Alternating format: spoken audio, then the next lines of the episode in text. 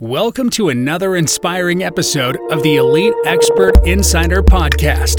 Hosts Melanie Johnson and Jen Foster are the owners of Elite Online Publishing. They're both Wall Street Journal, USA Today best-selling authors. We're really glad you're here because this podcast was designed for you. Meet industry experts that share their secrets and strategies. Get successful results for your business in money, relationships, health, and your life. Each episode is going to inspire you to take action towards reaching your greatness.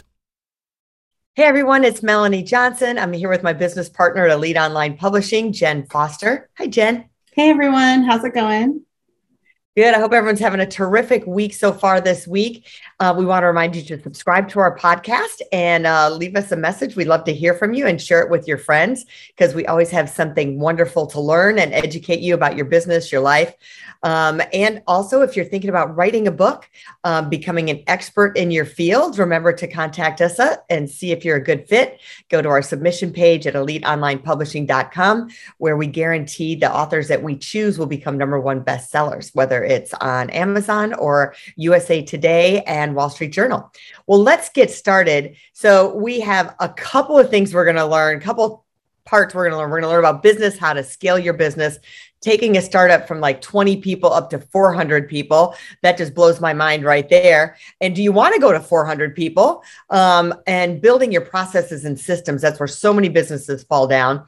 And have you ever thought of starting an app before? I mean, I know we have, but then we're like, I don't know how to do that. That's like a whole education process. Who do you hire? Who do you trust? How do you know? How do you make money with it? So um, that's a cool conversation we're going to have with Victor Wong today, who has done all of those things. So he is an expert that we're bringing you today. Victor, thanks for coming on our show. Yeah, thank you. Hi, Melanie. Hi, Jen. Thanks for having me on your podcast.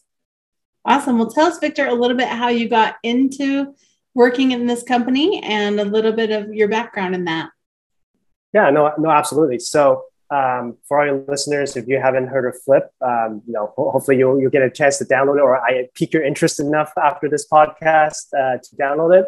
I'm the CFO at Flipp Corporation, um, and if we're a free shopping app that helps shoppers provide for their families and make life more affordable.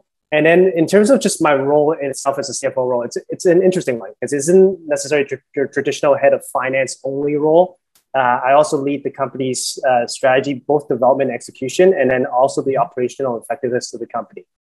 Um, so, just Jen, as you kind of asked a little bit about my journey in Flipp. So, being almost 10 years now, I think 10, 10 years if I'm counting is October. So, one, about one more month before I hit the 10 year mark at, at Flipp, um, I joined when I was t- about team member 21, if, if I recall correctly. That, I think that's the number, team member 21. So, we're still very, very, very small. I don't think anyone's heard of us uh, back in, in those days because we were uh, we're startup out of Toronto. Um, and on the first day, I think uh, what makes it even more unconventional was the first day the CEO came and said, you know, I know we brought you in to run finance, but we also have an ops department that is lacking some leadership and management. So can you also run operations as well? Um, so little did I know, you know, I'm always up for a challenge, right? Little did little did I know how much I would enjoy kind of that topic that Melanie mentioned about scaling businesses, and that was kind of my first foray into helping build the team, but working as part of a cohesive team together to build something from say 21 pe- person when I first joined to now a team member size of uh, 400. So that's all been very uh, very interesting um, to to to uh, to journey through one of the things I know as a business owner ourselves is to before you can scale, you really have to have your systems of operation. Otherwise, you're adding people and nobody really knows what they're doing, and, and the house of cards start to fall. What do you think that you found are the most important um, operating systems that needed to be in place or were in place, but they weren't done the right way? Um, that you give advice to companies to do. Yeah, it, it might sound odd to your listeners because, especially because we're a tech company but when when and you had mentioned this, the the people process systems framework system actually to me always comes last. It always comes last, and I'll, and I'll explain why. Um, there is when, when we start building out the team and, and the processes, it's really the team members and the intellectual property that really powers a business, especially at that early stage, right? Like you're not going to put in a system to automate something that you're still dis- discovering and the agility that that people can offer that's invaluable. Like that, that that's why you have to have a great team you have a great you need to have a great culture and you mm-hmm. really have to set that up right right at the beginning. And then once you start getting bigger then there are more people doing more things right? And so then now you start to layer on processes so people actually know how to coordinate together to and work together to get the same objective done I think mm-hmm. one of the mm-hmm. analogies that I, I really loved, and I'm, I'm not sure if either of you have tried, ever tried, or ever heard of a dragon boat. So it's this, it's this big long boat um, that 20 plus people go go into, and there's usually a drummer at the, at the front. And it's it's a it's a race, right? It's a, obviously it's always a race, right? With any of these things. And so we did this as like a team building activity, and I, I thought to myself, I'm like, this is like a perfect analogy on why some businesses just don't work so you got 20 people on, on, on this boat, like 10 on each side, and everyone is paddling as hard as they can, like hard as they can. But there are some boats that go really far and really fast, and there's some boats that just sputter, right? And what that is is because those 20 people weren't in sync, they weren't paddling mm-hmm. together, right? They're paddling like a similar direction, but I'm doing one stroke, the other, the other person's doing another stroke, right? It's it's off time.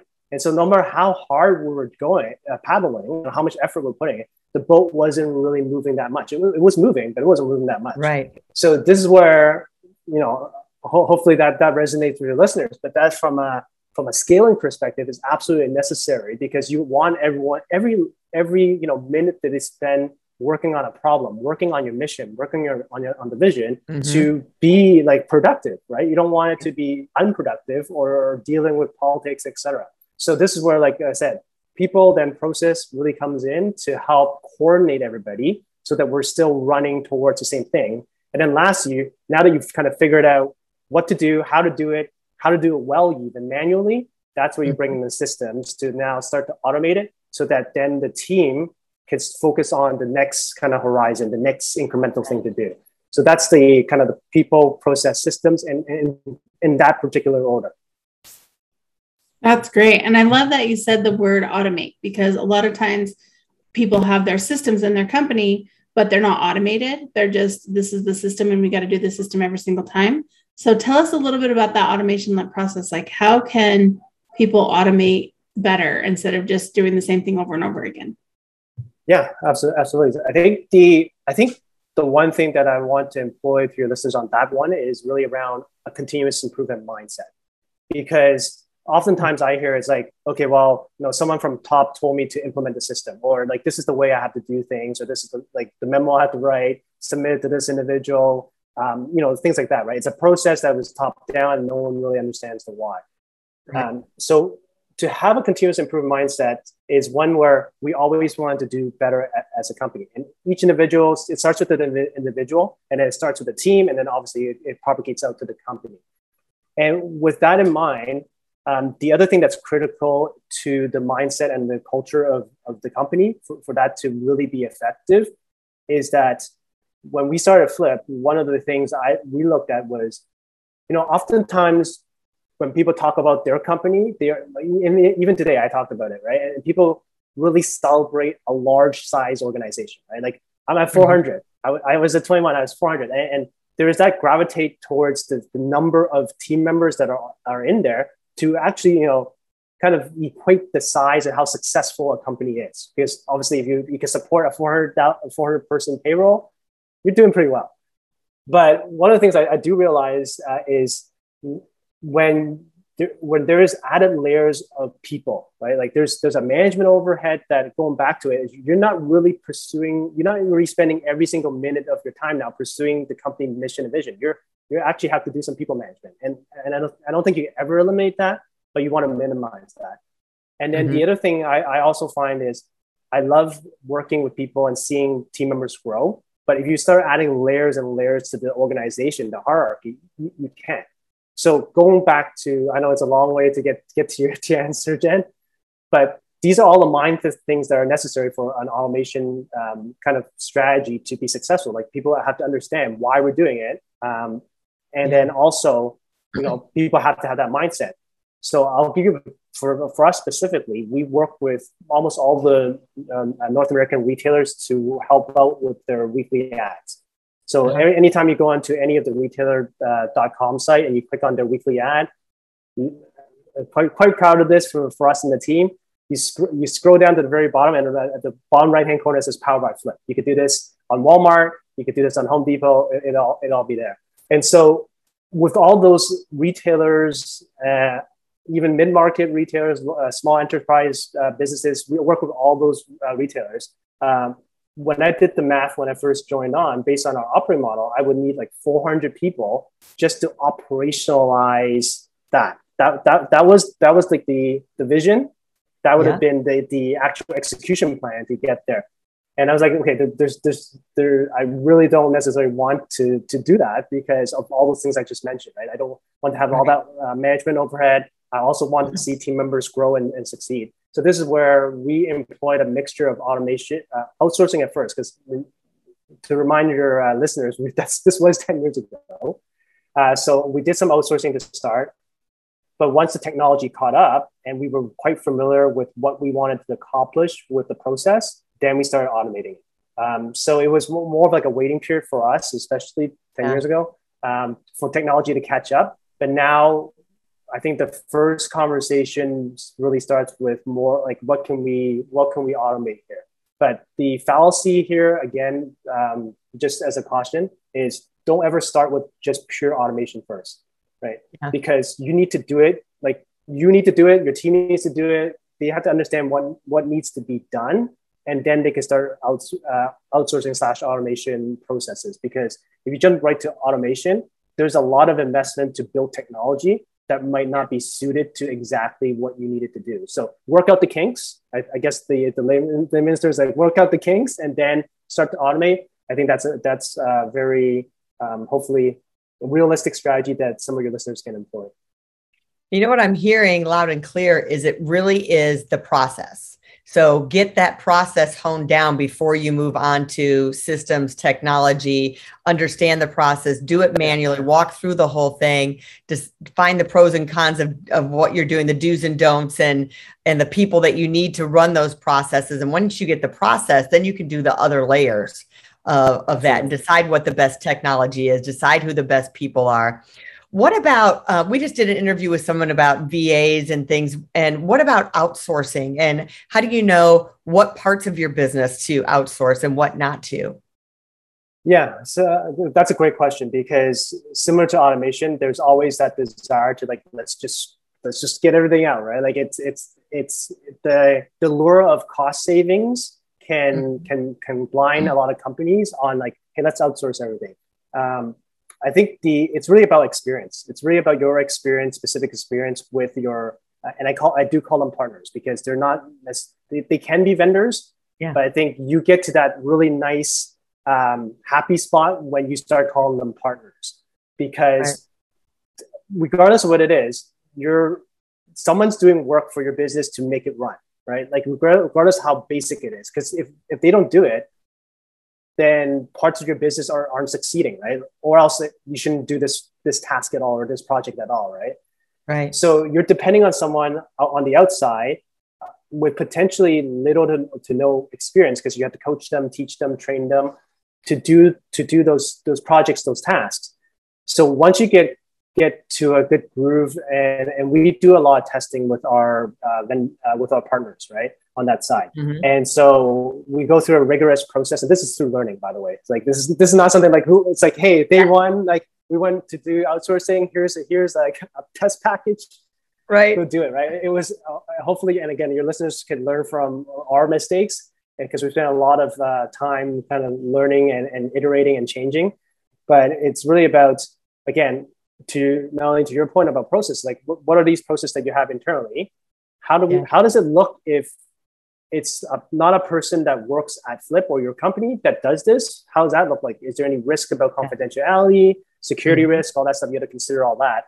And if you if that is all all nice and good, then the the ask is like, how do you break the task down to its simplest form? Where one, it's prime for outsource, but then it's also prime for automation, right? So, so there's there's a potential two paths you can take. Um, but because if it's complex, if it's like, hey, here's here's um, you know here's a piece of paper, take this and draw xyz with it right if, and that's the, the task that's pretty complicated that that probably needs a lot of coaching and that's probably not a task that you want to outsource unless you can break that down to like take this piece of paper go to the top right corner draw x go to the bottom right corner draw a zero, a zero.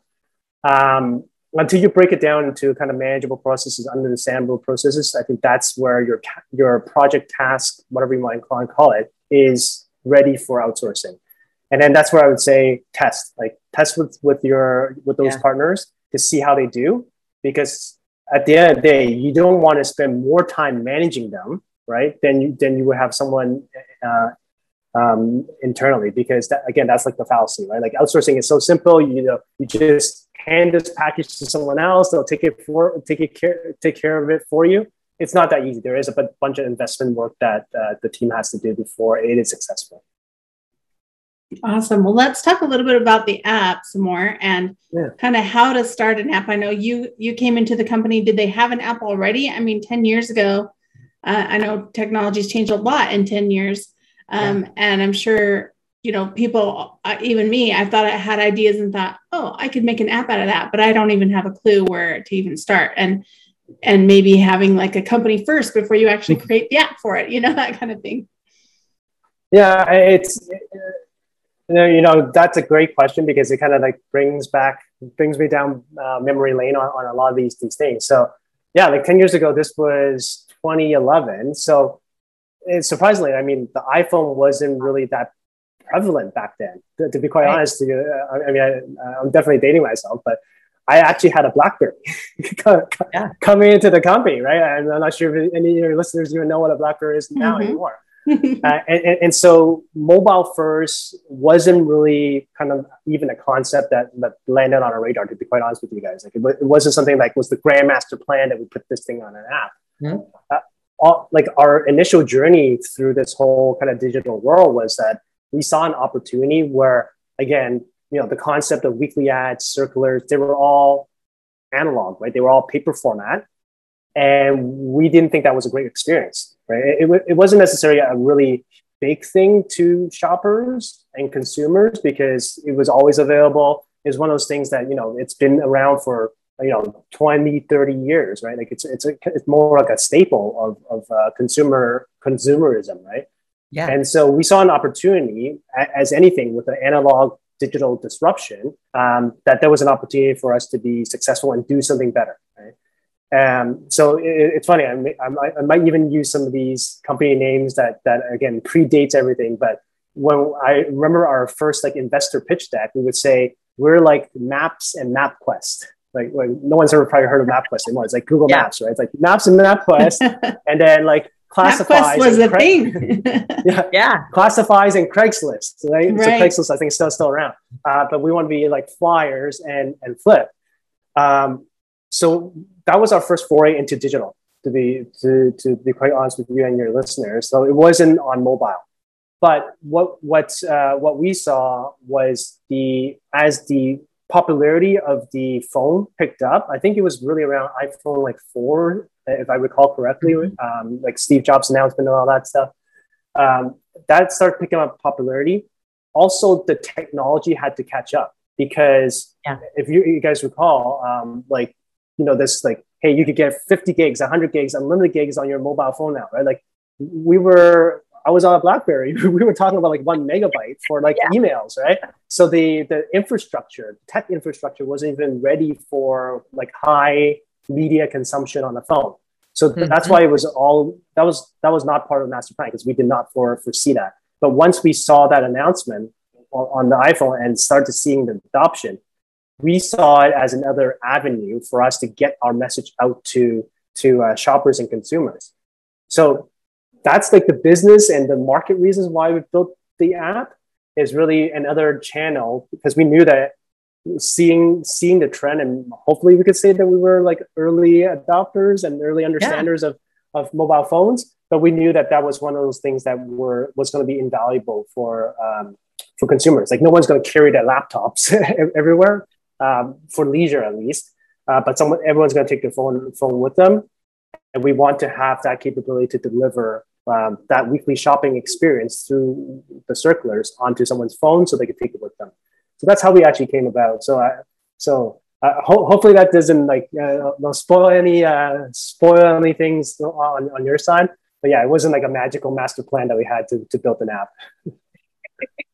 Well, I love it. You know, you took something that's analog. Like I've just been recently spending time at my parents' house and they still get the newspaper. Um, I haven't gotten the newspaper for probably 12 years at yeah. least. Yeah. And you know, the flyers with the coupons that come in and you'd search through all those. And basically you took something that's analog, the old school way of getting things and made it new school with making it tech and not just on the computer, but on the phone. And and I think for anybody listening, if you see something or something in your business that is still analog, how mm-hmm. to make it high tech and transform it not just to the computer but also an app to have those other things. I mean we've looked at our business. Do we need an app? Is an app appropriate for our business? And for some businesses it is absolutely. And other businesses no they don't necessarily need an app um, for their business. They can people can still just go to their website. So how do you know if your company needs an app or not? Like yours was pretty clear that you guys definitely need an app. Would you have advice for anyone? Like how do you know yeah, I, I think the there, there's a, there's actually a couple of things, and even on the technical side, um, being on the web browser itself, because the mobile phone has been so adaptive into these concepts, is that there are even like mobile ready sites um, that are quite you know intuitive, right? They're quite app like. And so, for the ease of just someone starting, yeah, by, by all means, start off with a website that is actually mobile ready um, mm. and, and start there and, and like test and understand the, where your consumer interactions are. The, the app functionality though, one thing, one of the things I can offer to say is you can have an increased level of interaction between the user and your app much more than say a browser can. And so with that in mind, like, do you need that additional functionality? Like, is that going to improve the user experience? I think that's where the app question really comes in. It's like, user experience? Is it better? Right? Is it going to improve their their their journey through your app? Is it going to improve the utility? If the answer to those are no, then maybe it's maybe just having a web like a mo- mobile ready web web version of your of your kind of product is, is sufficient. Is there any uh, SEO advantage? Like if they search your company, the app comes up as well as your website, so it's getting generating more visibility for you. Yeah, there are some. There are some uh, because the more channels that you're on, um, the more availability, right? Like just the fact that we have a website, that's that's one. If you have a website and an app, I mean, I'm, I'm doing very simple uh, math here. There's two. So just by even just a function of that, um, yes, you're absolutely right. There, there, there's some there's some searchability involved, mm-hmm. and it depends on also what category that, that you play in, right? Because if all your competitors or even just your complement kind of companies uh, that you work with in the ecosystem, if they all have apps, then maybe it's one of those things where if you don't have an app, you're, you're kind of missing out, right? So there, there's also that consideration involved. Yeah. Um, and, and so a whole confluence of things depending on what's where where where your business is at and what kind of market they play in. Yep. Jen, do you have something? Yeah, sorry, I was un- I was muted. I was trying to get it unmuted. Yeah, I, I actually want to talk really quick before we wrap up. Um, I saw yeah. that you are also in charge of the eco committee at your work, and mm-hmm. I wanted to talk a little bit about that and how how business owners today can be eco friendly and and think about the green. Um, tell us a little bit about what you guys are doing there. Yeah, so it's it's actually been been been a bit of a challenge for us on the eco team, given the kind of the home home home experience through the pandemic, right? So yeah. there's there um, it's a bit of a challenge because a lot of the um, you know the eco days where we have Earth days where we go and and you know do park cleanups and all that. Uh, we've we've tried to do individual ones because the whole, obviously the uh, group gatherings aren't encouraged, uh, at least not currently, or large group ga- uh, gatherings aren't encouraged currently. But I think one of the mantras for us still remains was because it's not really about um, you know hand stopping someone that they you know accidentally put their their garbage into the recycling or the recycling in the garbage right? That's that's that's not the whole point. Um, but the whole point that we just the, the, the as a team that we uh, developed was really around education right? Because maybe you think and, and, and, for some reason, I don't know how it is in, in, in your neck of the woods, but like the recycling system as as sophisticated as it might be, is still very complicated on like, should yeah. this go here? Should that go there? Right. And, and, and the complication doesn't really help with ease of use. Right. Mm-hmm. And, and so we, we try to do a better job educating um, even just the, the tactical nature of like how to sort your, your, your, uh, your goods. But I think the other thing is more of the education and, and kind of a reminder that it's, it's, we're doing this not for ourselves, but for the future generation, right? Because um, you know, in a previous generation, they, they left us with what we currently got. But if we continue to not care about it, um, I, I, have two young boys, uh, 10 and 7. If we don't do our parts right now for for protecting the environment, then like what what, what are they looking at, right? Um, Know obviously from the news articles and all that, like the, the weird weather patterns all over the world uh, yeah. has impacted us in, in some shape or form um, you know, they're they're obviously non-believers of whether that is you know uh, environmentally impacted. But I mean, it, if we, we should still do right by by you know by, by us and and by future generations. Yeah, either way. So so that's where that's where the eco community uh, plays a role. Is just we, we try to do a, a lot more like home ed- education now, including like some tips and tricks on like energy savings and things like that. Because like at the office, especially, like no one uses it. Turn off the lights, right? you know, sa- same thing at home. So, like do, do, do, do your part uh, and try to make everything sustainable. So. Well, thanks for coming by today, Victor. That was awesome. You gave such great advice for scaling your business, for creating processes about your company. And um, I can't wait to check it out because I didn't know about Flipp. So um, I looked at the website and I'll be getting the app. And um, I'm, I used to be a, coup- a coupon shopper. So there you go. Awesome. That's great. That's great. tell us where we can go for the link to get to the app. Yeah, so it's uh, even though it's pronounced flip, it's actually with two P. So that I think that's the differentiator or the confuser on the other, other side. So it's F L I P P. Uh, and if you search that on either the App Store, um, app stores, you will find it, or, or even online. Awesome. We'll put the links up in the show notes as well as on YouTube. And thank you so much for coming today. Yeah, thank you both. Uh, it's been great chatting. Terrific. Well, we'll see you next time here. Remember to subscribe to our podcast. And if you're looking to become a best selling author, uh, make sure you go to our submission page and fill out our form and see if we're a good fit for you. EliteOnlinePublishing.com. We'll see you next time. Bye. Hey, are you looking to increase your revenue, build credibility, and elevate your brand? This podcast is brought to you by Elite Online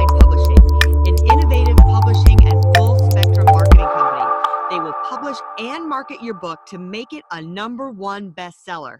Becoming an author is the best way to market your business. So contact them at eliteonlinepublishing.com today. All of their authors become number one bestsellers.